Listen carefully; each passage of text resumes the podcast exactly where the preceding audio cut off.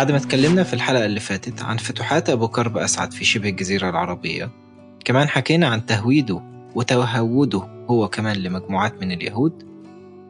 تكلمنا كمان عن بدايات الصراع المسيحي اليهودي اللي كان في الأصل صراع من أجل السيطرة على طرق التجارة. ثم تحول الصراع مع الوقت لصراع يهودي مسيحي بناء عليه تم فرض مجموعة من القرارات. كان أهمها على الإطلاق فكرة فرض عدم مرور طرق التجارة إلا للي بيدينوا بنفس الدين. الفكرة دي استمرت لفترات طويلة من بعد أبو كرب أسعد. وبعد استعادة الحكم من خلاله في اليمن وتوسعاته ضد المسيحيين في شبه الجزيرة العربية بيشتد الخلاف المسيحي. وبيتورث الخلاف ده من حاكم للي بعده. لحد ما بيجي في عهد يوسف ذي النواس بيحصل معركة كبيرة بين مملكة أكسيوم والمملكة اليهودية. بيلتقي الجيشين عند باب المندب. في الفترة دي تم القضاء على جيش يوسف ذي النواس بالكامل. بل أن حتى يوسف ذي النواس نفسه اتقتل في المعركة دي. ولكن بعد المعركة دي ملك أكسيوم ولا واحد اسمه سميفع أشوع. سميفع كان واحد من السكان المحليين لمملكة حمير وقتها. واللي خلاه هو المسؤول عن اليمن ومسؤول عن حكمها بدأ سميفع في بناء الكنائس مرة تانية وإعادة نشر المسيحية في البلاد. وفي الفترة دي بيظهر عندنا واحد من الشخصيات المهمة في كتب التراث الإسلامية وهو إبراهة الحبشي. إبراهة الحبشي عمل انقلاب على سميفع واستولى على الحكم في اليمن. بس لما بندور حوالين إبراهة الحبشي بنلاقي إن هو كان قائد جيوش أكسيوم أثناء غزوهم على الحميريين. حاول كتير ملك أكسيوم في السيطرة على انقلاب إبراهة الحبشي ولكنه فشل بالكامل وترك حكم اليمن بالكامل تحت سلطته. بتدور الأيام وبيرجع واحد اسمه يوسف بن ذي يزن وهو حفيد يوسف ذي نواس يوسف بن ذي يزن من خلال مساعدة الفرس ليه تم إعادة فتح اليمن مرة تانية ويستولي على الحكم وتنعاد الكرة في إن هو يرجع ينشر اليهودية من أول وجديد. ولكن بتكمن أهمية يوسف بن ذي يزن إن في عندنا ثلاث شخصيات مهمة جدا ومحورية هي حتكون حديث حلقتنا النهاردة. قاموا بزيارته وتهنئته على انتصاره على الفوز على المسيحيين. حلقتنا النهاردة هنتكلم عنها في حضور الرفيق إيسيني. أهلا إيسيني طمنا عنك وعن صحتك. تحياتي إن شاء الله تكون بألف خير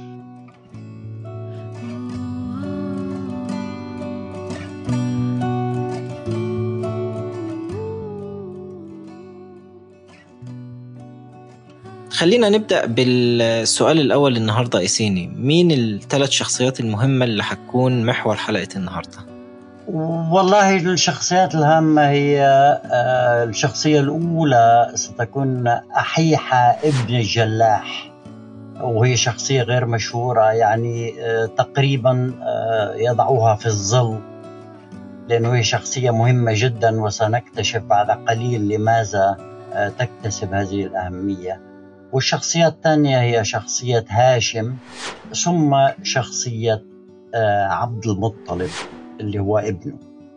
فالشخصية الأولى اللي هي أحيحة ابن الجلاح بن الحريش الأوسي أبو عمرو كان شاعر آه، جاهلي ويعتبر من دهاة العرب من أذكى أذكياء العرب وشجعانهم وكان سيد على يثرب على المدينة وكان له مجموعة من الحصون منها حصن المستظل وحصن الضحيان ومزارع وبساتين ومال وفير.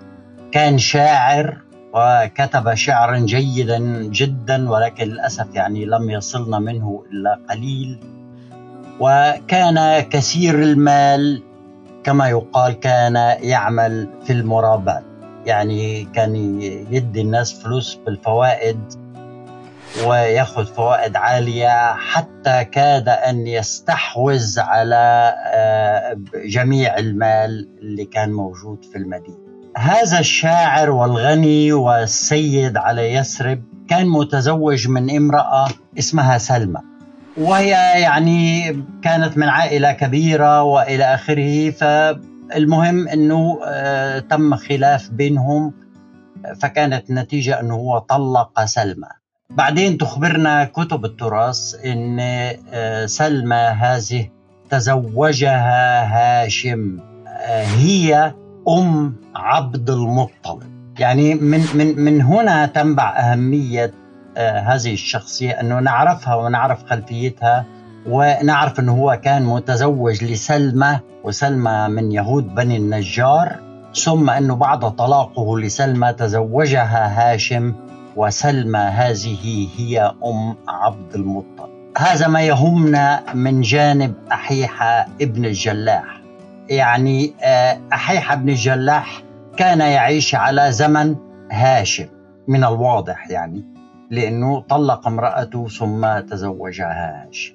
هنا يأتي آه، تأتي الشخصية الثانية الهامة والمركزية أو المحورية وهي شخصية هاشم. في الحقيقة آه، شخصية هاشم شخصية إشكالية لأنه هنالك الكثير من الأسئلة التي لا نجد عليها أجوبة في كتب التراث آه، على الإطلاق. يعني آه، هاشم تزوج سلمى فاشترطت عليه سلمى اشترطت على هاشم أن تسكن في المدينة ولا تسكن في مكة. آه، سكن هاشم معها تزوجها وسكن معها في المدينة لسنين.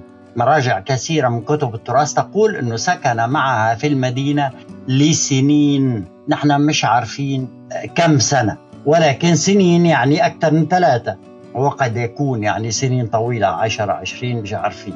آه، هنا لابد من من ملاحظة ولو بسيطة يعني أنه هاشم سيد القوم والتاجر الكبير الذي كان يعقد أحلاف مع القياصرة وإلى آخره ويقوم ينظم رحلات الصيف والشتاء وإلى آخره وإلى آخره والمسؤول عن الرفادة والسقاية والحجيج وغيره. يعني سيد كبير مشهور وإلى آخره.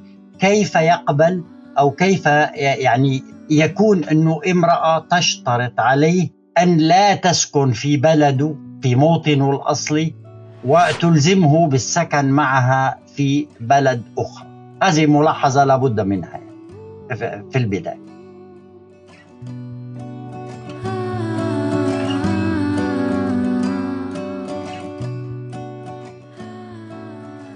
حقيقة كل اعذرني للمقاطعة ولكن في في ملاحظة تانية هنا حابين نشير إليها وإنه من اسم أحيحة بن الجلاح اسمه الأوسي وهو من قبيلة الأوس. بالضبط. وذكرنا في الحلقة اللي فاتت إنه قبيلة الأوس والخزرج هما القبيلتين اللي ساعدوا أبو كرب أسعد في آه، دخول المدينة. بالضبط. ضد بعض القبائل اليهودية اللي كانوا موجودين داخل المدينة. وهل هي كانت على سبيل المصادفة إنه يكون قبيلة الأوس والخزرج تساعد أبو كرب أسعد في الدخول إلى المدينة وهي نفسها التي تؤيد محمد بعد سنوات في دخول المدينة. وده اللي حنحاول إن إحنا نجاوب عليه من الحلقة النهاردة ولكن بيتضح قدامنا إنه هاشم تزوج يهودية وأحيحة كان يهودي وسلمى كانت يهودية أيضا. يعني دي دي واحدة من النقاط المهم إن إحنا نشير إليها قبل ما نبدأ. نستطرد في شخصية هاشم اللي ترك مكة لعدد طويل من السنوات آه، دون سقاية ودون رعاية فقط اتباع لزوجته. اللي هيتم ذكرها بعد كده في زيارة الشخصيات دي وهي بتهنئ يوسف بن ذي يزن في فوزه على المسيحيين. خلينا نستطرد كمان في شخصية هاشم بحيث إن إحنا نعرف كتب المراجع قالت عنه إيه. بالضبط لأنه بصراحة هو هو الشخصية المركزية يعني. هاشم مجرد ما فهمنا يعني شخصية هاشم بشكل أوضح آه، يمكن لنا أن نفهم الرواية بالكامل امتدادا إلى النبي محمد. آه، نفهمها بشكل مختلف تماما ونقرأها بشكل مختلف تماما عن القراءات التي آه، تفرضها علينا كتب التراث أو يفرضها علينا يعني بعض رجال الدين أو الدعاة. آه، على فكرة آه، سلمى لم تكن زوجة هاشم الوحيدة اليهودية فهنالك آه، هاشم كان متزوج عنده يعني حسب كمان ما تقره كتب التراث عنده زوجتين يهوديتين غيرها يعني. فيعني ليست المرأة الأولى اليهودية التي يتزوجها هاشم. آه، صحيح أن كتب التراث آه، لا تقول صراحة أن سلمى هي يهودية بهذا اللفظ. ولكن آه، سيتضح لنا الأمر بشكل جلي لا يقبل لبس من خلال آه، لقاء عبد المطلب مع الملك آه، سيف بن زيازن لكي يهنئه بانتصاره على المسيحيين. سيتضح لنا تماما بأن سلمى كانت يهودية. بشكل لا يقبل مجال للشك على الإطلاق. ولكن خلينا في البداية آه نشوف هاشم اللي كان يعني هذا السيد الكبير في قومه وكان مسؤول عن مكة ومسؤول عن السقاية والحجيج وكل هذا الكلام الذي نقرأه في كتب التراث ونسمعه دائما وإلى آخره. تزوج سلمى وسكن معها في المدينة لسنين ثم إنه في في بعض الروايات إنه دخل عليها فحملت آه، فذهب في تجارة له فمات في غزة من أرض الشام. يعني مات وسلمى ما تزال حاملة بطفل بعد ما مات هاشم تلد سلمى وهي في المدينة تلد عبد المطلب. وعلى فكرة مراجع التراث أيضا تقول لنا بأنه لا أحد في مكة من آه، أهل هاشم وجماعته يعني آه، يعلمون بقصة زواجه من سلمى. وهذا أمر غريب جدا كمان إنه سيد القوم يتزوج امرأة ويسكن معها بعيدا عن مدينته أو موطنه الاصلي لفترة طويلة ولا أحد لا من ابنائه ولا من اخوته ولا من اقاربه ولا من اصدقائه يعلم بهذا الزواج. هذا أمر غريب للغاية ولكن هذا ما تقوله كتب التراث.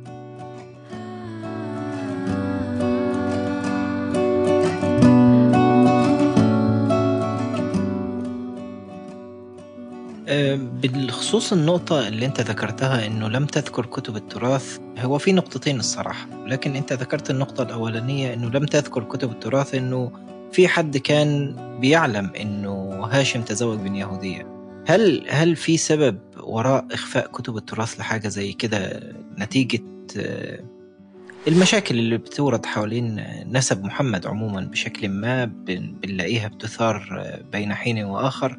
والنقطة الثانية واللي هي نقطة مهمة برضو أنت قلت ذكرت آه، أن كتب التراث لم تذكر أن سلمى كانت يهودية. طب هل ذكرت أصلا كتب التراث أن عبد المطلب أو هاشم كانوا يهود؟ آه لا.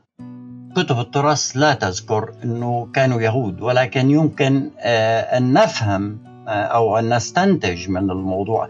لأنه آه يعني آه الأمر واضح تماما. هل اليهود وفي تلك الفترة آه، خاصة آه، إن حرب مستعرة بين اليهودية والمسيحية والتعصب على اشده واليهود متعصبين جدا. هل يمكن ليهودي أن يزوج بناته لواحد عابد أصنام مثلا؟ يعني هذا أمر مستحيل. فعندما نجد انه هاشم لديه أكثر من مرأة يهودية فهذا قطعا. قطعا يدل على انه هاشم كان يهوديا وإلا لا يمكن لليهود أنه يعطوه بناته. والأكثر من هذا الأكثر من هذا أن كتب التراث تقول لنا بانه أحبار اليهود كانوا يقبلون يدي هاشم ويعرضون عليه بناتهم للزواج. طب هنا سؤال ووقفة كبيرة جدا. لماذا يقبل أحبار اليهود يدي هاشم هل له رتبة أعلى منهم؟ هل اليهود بقبلوا يدي عباد الأصنام؟ يعني الأمر غريب بصراحة.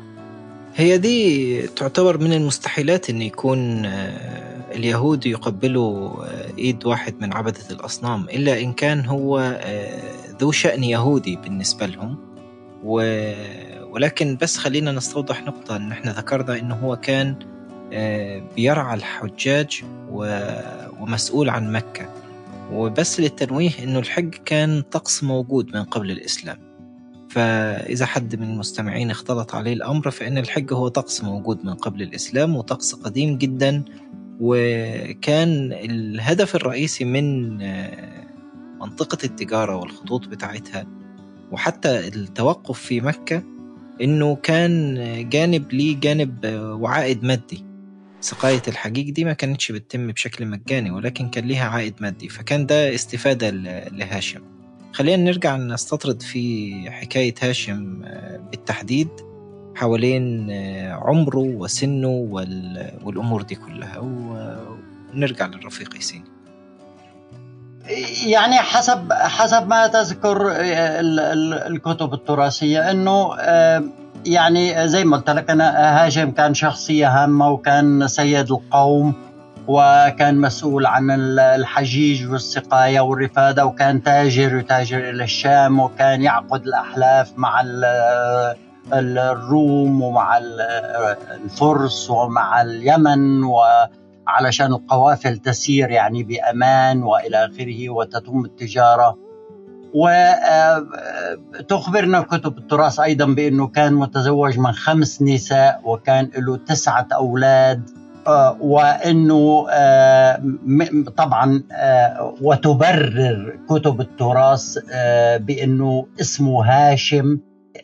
لأنه هو أول من هشم الثريد إلى قومه لأنه وقعت مجاعة وجدب في قريش.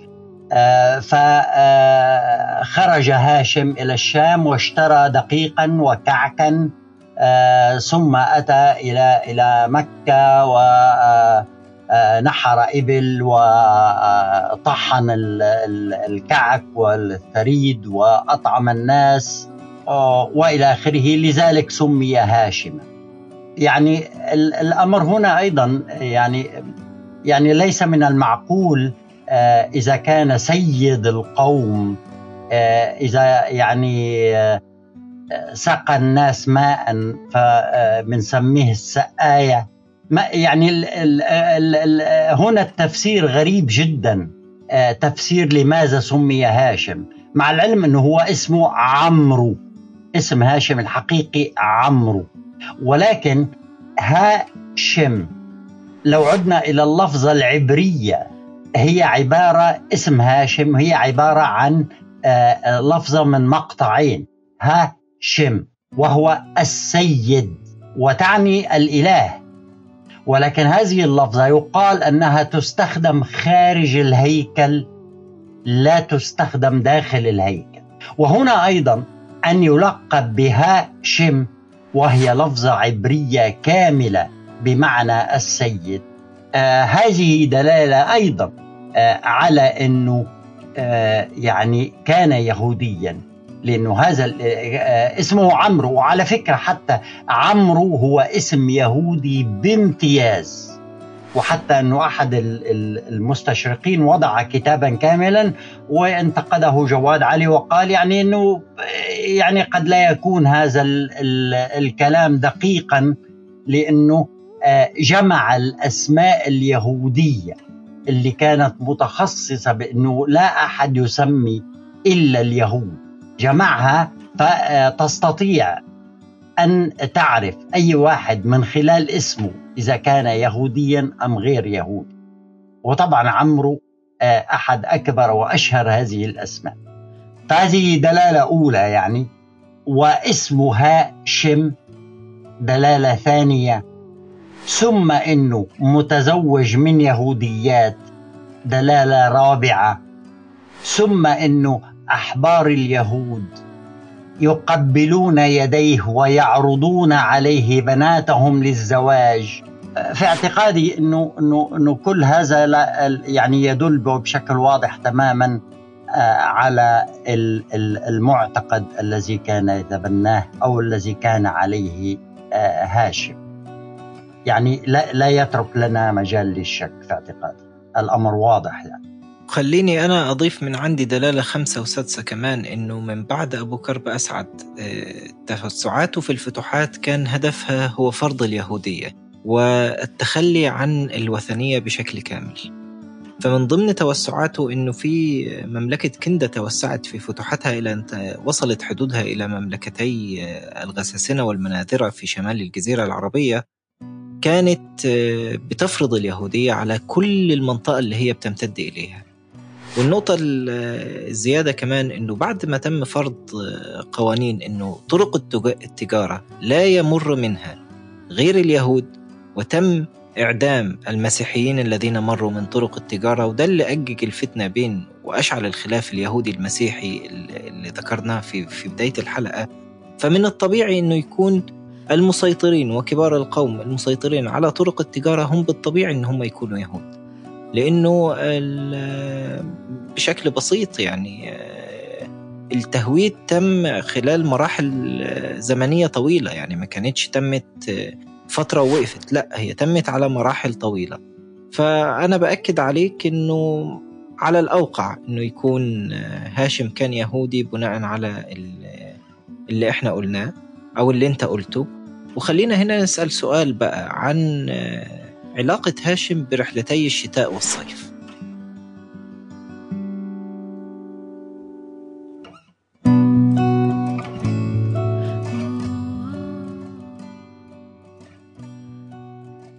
إنه آه، هاشم هو أول من سن رحلتي الشتاء والصيف.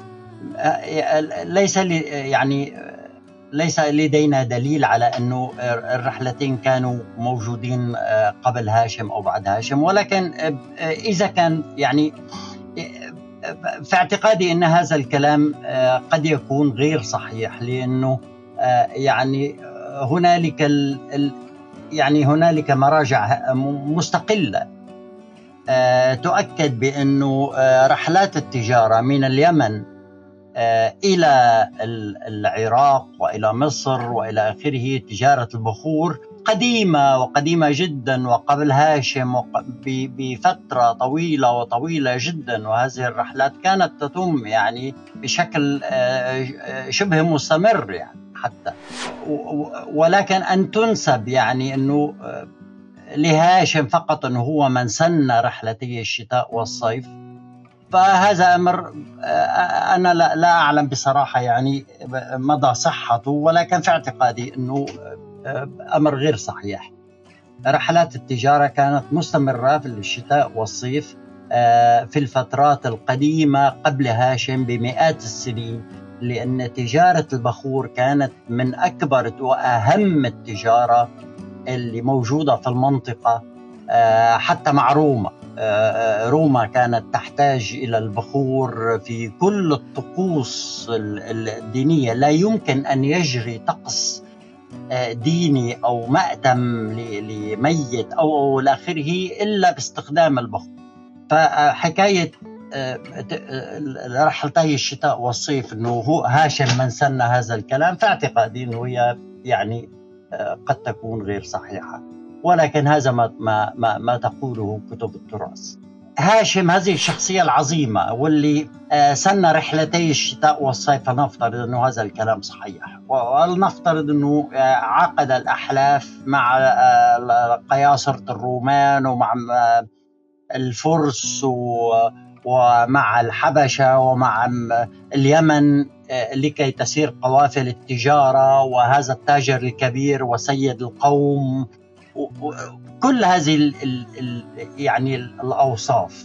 آه، نتفاجأ فيما بعد آه، مفاجأة صاعقة بأن كتب التراث ذاتها تخبرنا بأن هاشم هذا الشخصية العظيمة الكبيرة إلى آخره آه، قد توفي وعمره عشرين سنة.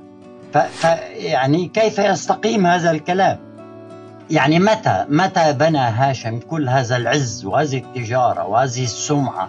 ويعقد الأحلاف ويعمل رحلتي الشتاء والصيف ويتاجر ويهتم بالسقاية والرعاية والحجيج. ثم يسكن مع امرأته في في المدينة لبضعة سنين. طب خلال هذه السنين من الذي كان آه، آه، من الذي كان يعني مسؤول عن السقاية والوفادة والحجيج في مكة؟ لا نعلم. آه، كيف لواحد عمره عشرين سنة أن يبني كل هذا العز؟ أيضا يعني هذا أمر أنا في اعتقادي أنه هذا أمر يعني أكثر مما أستطيع أن أفهمه. أنا أنا لا أستطيع أن أن, أن أفهم يعني هذا السياق لأنه في عشرين سنة لا يمكن لأي شخص يعني آه، أن يكون له كل هذه الإنجازات الكبيرة. آه، حتى أنه الكاتب الكبير جواد علي نفسه يعني يستغرب آه، ويقول يعني أنه إذا كان هاشم مات في سن العشرين سنة أو الخمسة وعشرين سنة فيعني هذا لا يكفي لكل هذه الإنجازات الكبيرة التي تتحدث عنها كتب التراث.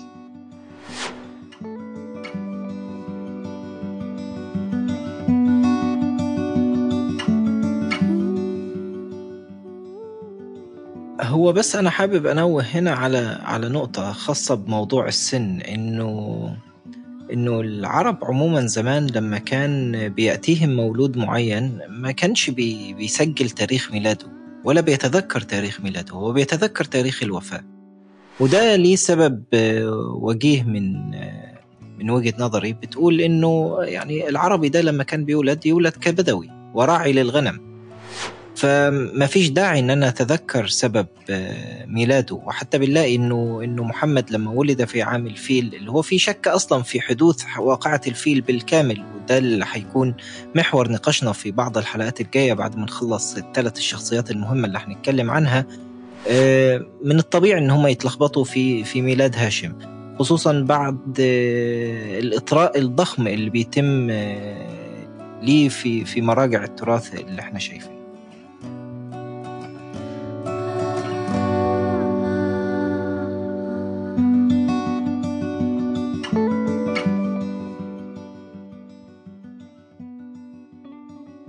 أنا بشكر كل مستمع وصل معنا لآخر حلقة النهاردة. حابب إن أنا أكد إن في group التليجرام إحنا بنضيف آه، المصادر للي حابب إن هو يسأل بيكون في آه، ال link بتاع الحلقة تحتيه كومنتات بتقدر تسيب السؤال بتاعك في الكومنتات وبنقدر نضيف المصادر اللي أنتم بتحتاجوها.